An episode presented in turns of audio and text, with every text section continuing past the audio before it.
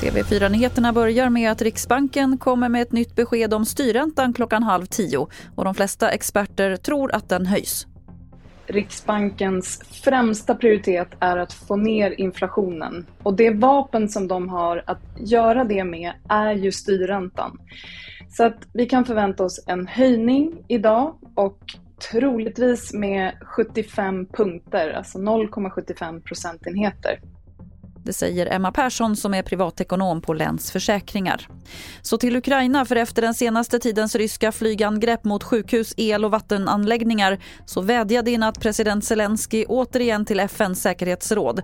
Zelensky jämför attackerna med att använda massförstörelsevapen eftersom miljontals invånare nu är utan el och vatten. En tidigare verksamhetschef för en kvinnojour i Skåne har dömts till villkorlig dom och böter efter att hon fört över 2,5 miljoner kronor från föreningens konto till sitt eget. Det skriver Sydsvenskan. Hon avslöjades när hon försökte föra över pengarna till ett konto i utlandet. Hon menar att hon skulle investera pengarna för jourens räkning. Fler nyheter finns på tv4.se. Jag heter Lotta Wall.